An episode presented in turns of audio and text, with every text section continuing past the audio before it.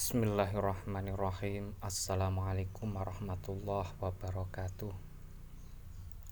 Ala hadiniyah wa ala kulli niyatin sholihah ila hadratin nabiyil mustafa sayyidina Muhammadin sallallahu alaihi wasallam wa ila hadrati abaihi wa ummahatihi wa dzurriyyatihi wa ikhwanihi minan nabiyyin wal mursalin syuhada was sholihin wal auliya aina makanu min masyarakat Syabdul Qadir al-Jilani wa Syabil Hasan Asyadili wa Syabil Syabdul Basyarani wa Syasyari Mutamakan kajian batu jamil oli A'adallah lina min barakatihim wa karamati wa syafa'atihim ila hadrati abaina wa ummahatina wa istatina wa jadatina wa khulina khalatina wa amamina wa amatina Alladhi ta'allamna wa 'allamnaha khusun ila hadrati. Syekh Zainuddin Al-Malibari wa ila hadrat jamil masyarakat Nabi Allah Khidir alaihi salam Syekhuna Khulil Bangkalan Syekh Masyarakat Syabkan Syekh Marzuki Talan Syekh Maras Ali Syabat Marzuki wa ila hadrati. Allah ya minhum wal amat min umat sayyidina Muhammad Al-Fatihah A'udzu billahi minasyaitonir rajim Bismillahirrahmanirrahim. Alhamdulillahi rabbil alamin. Arrahmanir rahim maliki yaumiddin. Iyyaka na'budu wa iyyaka nasta'in. Ihdinas siratal mustaqim. Siratal ladzina an'amta 'alaihim ghairil maghdubi 'alaihim waladdallin. Amin. Bismillahirrahmanirrahim. Qala al-musannifu rahimahullah taala wa nafa'ana bihi wa bi ulumihi fid dharaini amin. Kita melanjutkan belajar bareng kita tentang kitab Fathul Mu'in ya. Kita melanjutkan mulai dari Innama Tajibu. Kemarin kita sudah li'adamil ilmi bi kaifiyatiha. Sekarang innama tajibu al maktubah.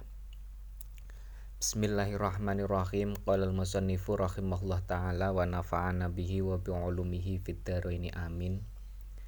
Bismillahirrahmanirrahim. Innama tajibu al maktubatu. Innama tajibu sesungguhnya wajib Inna tajibu sesungguhnya wajib apa al maktubatu salat maktubah apa al maktubatu salat maktubah? Yang dimaksud salat maktubah ay solawatul khomsi ay as solawatu yakni salat ay as solawatu yakni salat al khomsu yang lima. Al khomsu yang lima yang dimaksud dengan salat maktubah di sini adalah salat lima waktu. Ya. Wajib ala kulli muslimin pada setiap orang Islam. Ala kulli muslimin pada setiap orang Islam mukallafin yang mukallaf mukallafin yang mukallaf. Siapa itu orang mukallaf?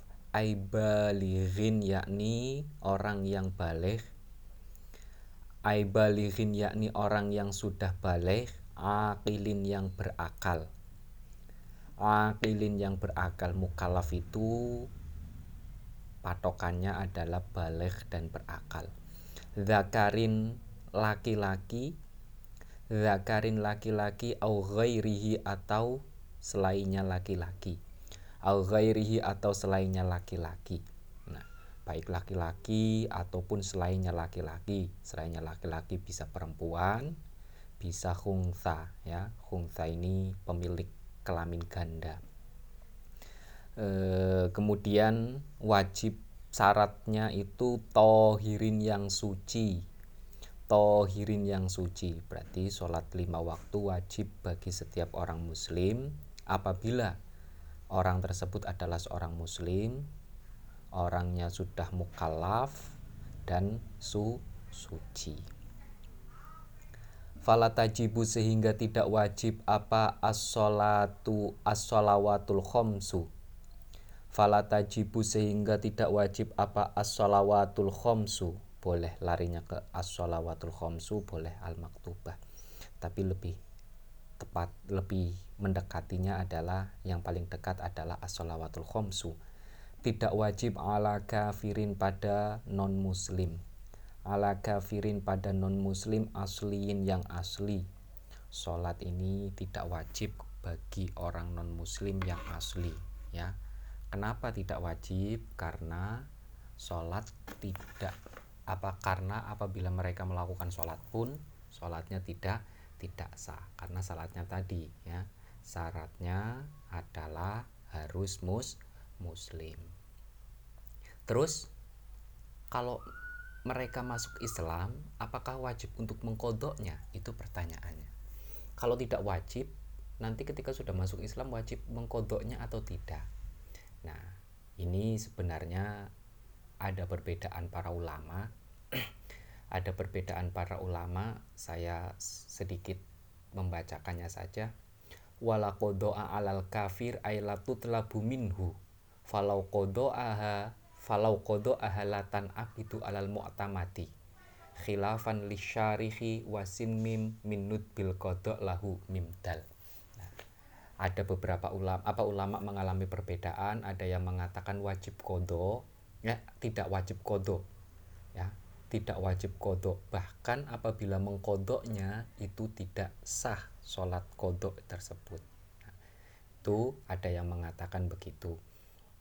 Nah namun ada yang mengatakan sunnah untuk mengkodoknya sunnah untuk mengkodok tidak wajib tapi sunnah untuk mengkodok kalau sunnah berarti sah ya kemudian wa ibaratu za'iyah wala qada'a alal kafiri aila wujuban wala nutban.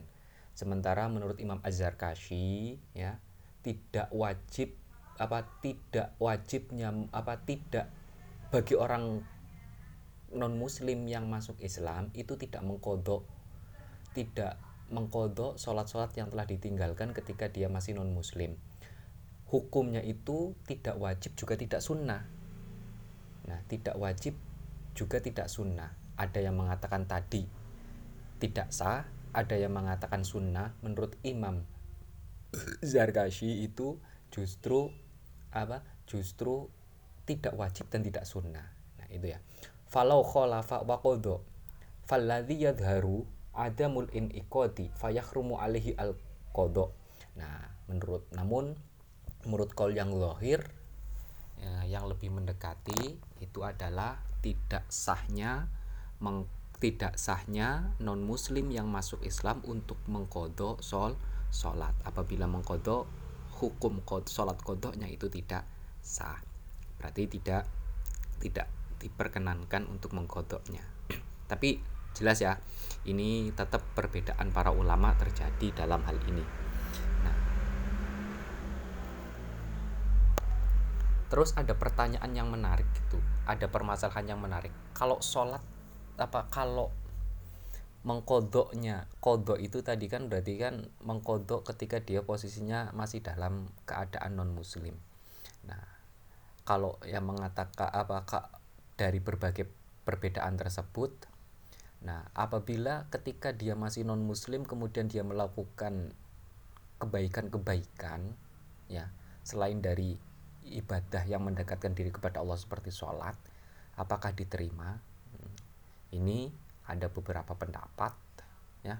Ada beberapa pendapat tapi ada beberapa pendapat di antaranya adalah pendapatnya Imam Al Manawi nah wa, apa pendapatnya Imam Al Manawi oh bukan. Pendapatnya Imam An Nawawi pendapatnya Imam An Nawawi menurut beliau itu ketika dia melakukan kebaikan kemudian dia masuk Islam maka kebaikan itu diteri, diterima alias mendapatkan paha pahala ya kan? Tapi ada yang mengatakan enggak. Ya enggak. Meskipun dia tidak masuk Islam tetap kebaikannya itu diterima. Ini bisa diperhatikan dari apa? Pernyataannya Imam Ar-Romli. Wasu'ila asyaikhu mimro. Mimro ini itu adalah Imam Romli.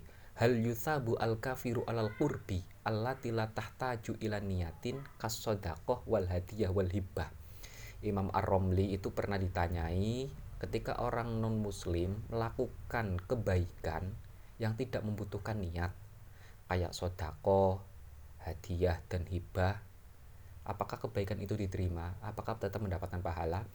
Imam Ar-Romli menjawabnya binaan. Yukaffafullah anhu al adzab bil akhirah. Ay adzab ghairil kufri kama khaffafa an abi lahabin fi kulli yaumi itsnaini bisa babi suruhi sururihi biwiladatin nabi. Nah menurut Imam Ar-Romli iya tetap diterima. Nah nanti bentuknya itu adalah bentuk pahalanya itu adalah bentuk balasannya nanti di akhirat azabnya itu diringan diringankan. Nah sebagaimana Abu Lahab setiap hari Senin itu mendapatkan keringanan karena beliau melak apa bahagia atas kelahirannya kanjeng kanjeng Nabi itu ya.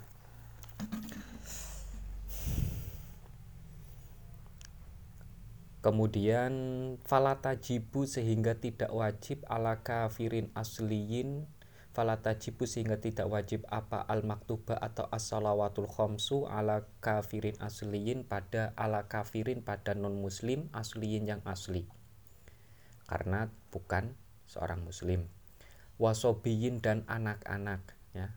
Wasobiyin dan anak-anak karena belum mukal mukallaf. Wa majnunin dan orang gila.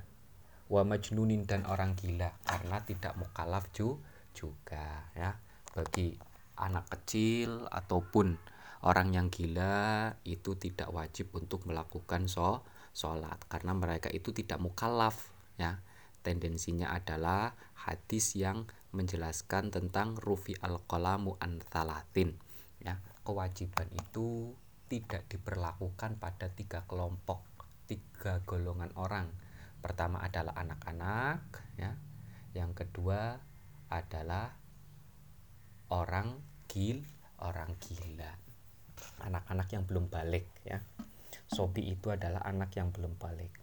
Wa mughma alaihim dan mughma alaih orang yang ayanan. Ayanan. Wasakronin dan orang yang mendem. Orang yang mabok. Wasakronin dan orang yang mabok bila taatin dengan tanpa sengaja bila taatin dengan tanpa sengaja. Begitu juga sholat tidak wajib pada orang yang muhma alaih orang yang lagi ayanan ya. Ayanan mulai jam 3 sampai jam 6 ya kan? Maka sholat asarnya tidak wajib bagi di bagi dia. Bila taat kemudian sakron dan orang yang sedang mabok tapi maboknya tidak disengaja ya. Kalau maboknya disengaja itu dia wajib untuk mengkodoknya ya. Wajib untuk mengkodoknya ya kan?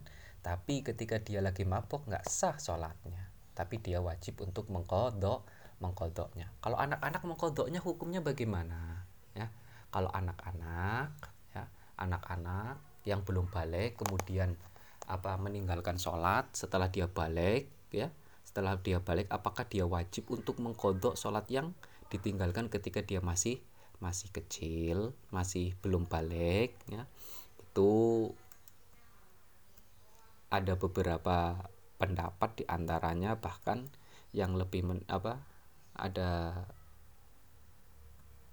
sebentar.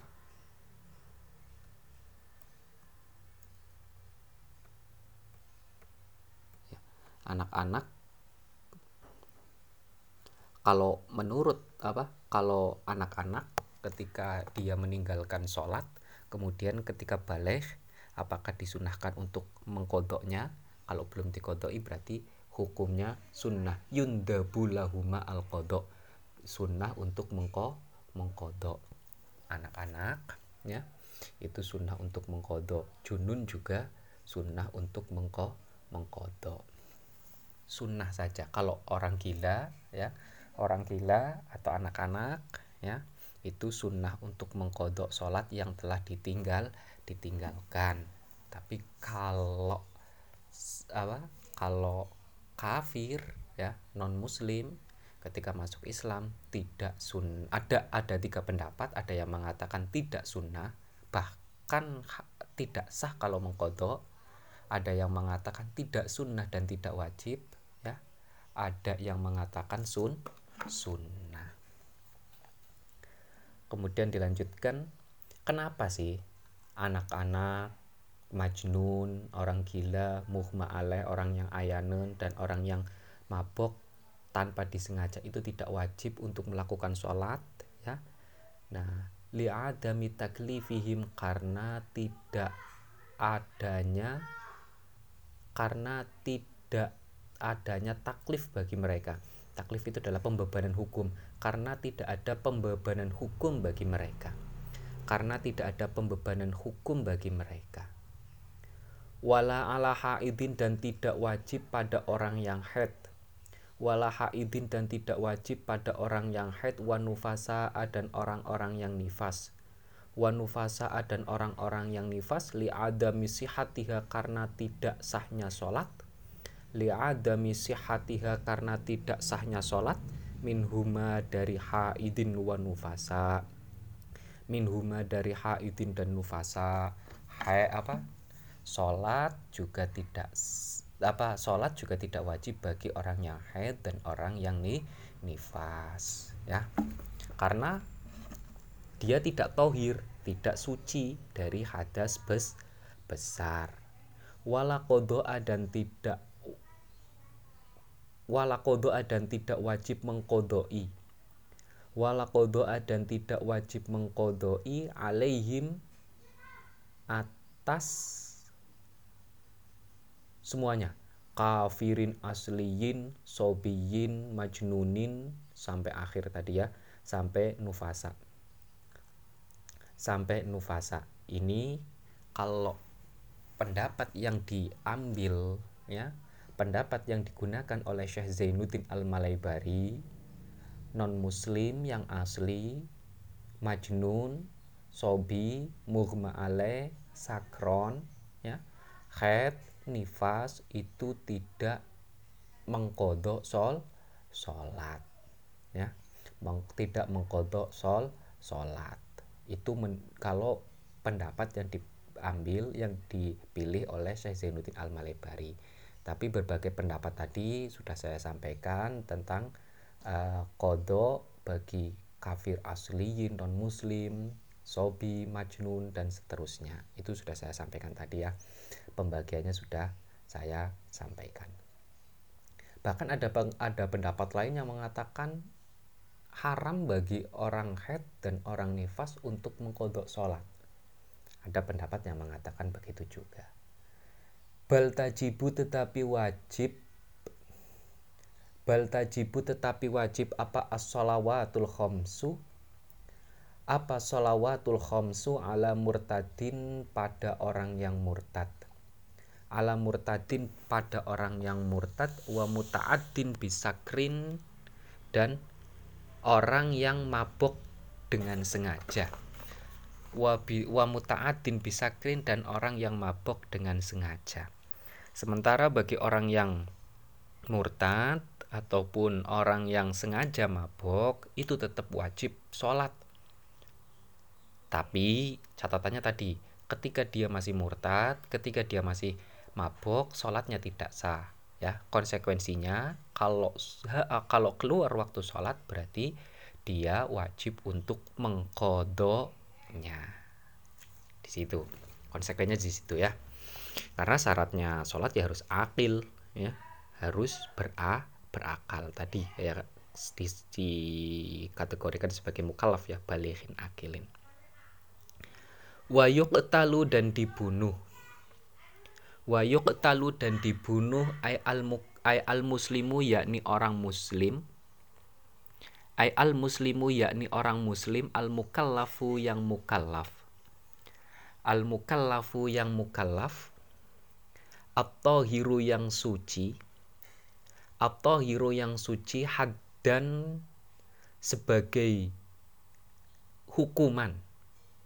Had dan sebagai hukuman bidor bi'unukin dengan cara dipenggal lehernya. Bidor bi'unukin dengan cara dipenggal lehernya. In akhrojaha ketetapan apa? Ke, hukum berlakunya hukum pembunuh apa berlakunya hukuman bunuh ini in akhrojaha apabila mengeluarkan sholat atau meninggalkan sholat in akhrajaha apabila meninggalkan sholat ay al maktubati ay al maktubata yakni sholat maktubah ay al maktubata yakni sholat maktubah amidan dengan sengaja amidan dengan sengaja. Mengeluarkan meninggalkan an waktu jam'in dari waktu jamak sol waktu jamak. An waktu jam'in dari waktu jamak. Laha pada al maktubah laha pada al maktubah ingkana apabila ada apa waktu jam'in ingkana apabila eh ingkana bukan ingkana apabila ada apa? Muslimin mukallaf al muslim al mukallaf at-tohir ingkana apabila ada siapa al muslim al mukallaf at-tohir itu kaslan malas-malasan. Kaslan malas-malasan ma'itiko diwujubiha serta masih meyakini kewajibannya sol sholat ma'itiko diwujubiha serta masih meyakini kewajibannya sol sholat nah ini pendapat dari Syekh Zainuddin Al-Malebari apabila ada seorang yang mukallaf muslim mukallaf dan tohir ya yang suci orang muslim yang mukallaf dan suci bersih dari hadas kecil maupun hadas hadas besar ya bersih dari hadas besar kok meninggalkan sholat ya meninggalkan sholat dengan sengaja tapi males alasannya males ya alasannya males. Dalam artian apa? Dia di dalam dalam hatinya tetap masih meyakini bahwa sholat itu wa, wajib. Tapi karena dia males maka dia tidak menjalankan sholat. Hmm. itu apa hukumannya adalah dibun dibunuh dengan dipenggal lehernya. Ya ini menurut saya Zainuddin Al Malebari nah bagaimana ketentuannya? Ketentuannya apabila mengel, apa apabila sudah melewati waktu jam in sudah melewati waktu jam jamak ini kalau sholatnya ada waktu jamaknya kayak zuhur sama asar ya. Meninggalkan sholat zuhur tidak dihukum sebelum terbenamnya matahari matahari. Setelah setelah selesainya waktu jamak karena waktu jamaknya zuhur itu dengan as asar. Kalau i maghrib dengan ish isya. Kalau subuh berarti kalau sudah selesainya su subuh ini kalau meninggalkannya karena mal malas. I, menurut Zainuddin al Malebari hukumannya adalah dipenggal lehernya. Tapi ini fikih. Ya tapi ini fikih. Sehingga besar kemungkinan pasti akan terjadi perbedaan penda pendapat nah hal itu terbukti ya. Terbukti hukuman bagi orang yang meninggalkan sholat ya kan hukuman bagi orang yang meninggalkan sholat oleh beberapa ulama itu terjadi perbedaan penda, pendapat. Kalau redaksinya itu ada redaksi dalam kitab lain begini. Wama takarror wama takorroro min anna tarika sholati ba'da amril imami yuktalu bidurbi unuqihi binah bisaifi huwa al mu'tamadu indana wa bihi qala malikun wa kadza ahmadu ala kama fi rahmatil ummah nah. Eh, hukuman orang yang meninggalkan sholat setelah diperintahkan imam untuk melakukan sholat imam berarti pemimpin ya sudah diperintahkan imam nanti ini kalau dalam Fathul Muin ada syarat selanjutnya ya ada syarat selanjutnya nanti akan dijelaskan apa istitabah dalam dalam penjelasan tentang istitabah. Istitabah diperintah untuk bertobat ya. Diperintahkan untuk bertobat dan melakukan sol sholat. Setelah imam memerintahkan untuk melakukan sholat kok or, apa kok orang muslim yang mukallaf dan tohir tetap tidak melakukan sholat karena males maka hukumannya adalah yuktalu bidorbi unukihi ya dibunuh dengan cara dipenggal lehernya binah wisaifi dengan menggunakan pedang Nah, ini menurut pendapatnya ini menurut pendapat pendapat Asy-Syafi'i, Imam Malik dan Imam Ah Ahmad. Itu pendapat yang pertama. Selanjutnya wakila layuk talu lintifaid dalil al-wadih ala qatlihi. Ada pendapat yang lain, ya kan? Ada pendapat yang lain yang mengatakan nggak dibunuh. Orang yang meninggalkan sholat setelah diperintahkan imam kok dia tidak meninggalkan kok, kok dia tetap meninggalkan sholat? Ya kan?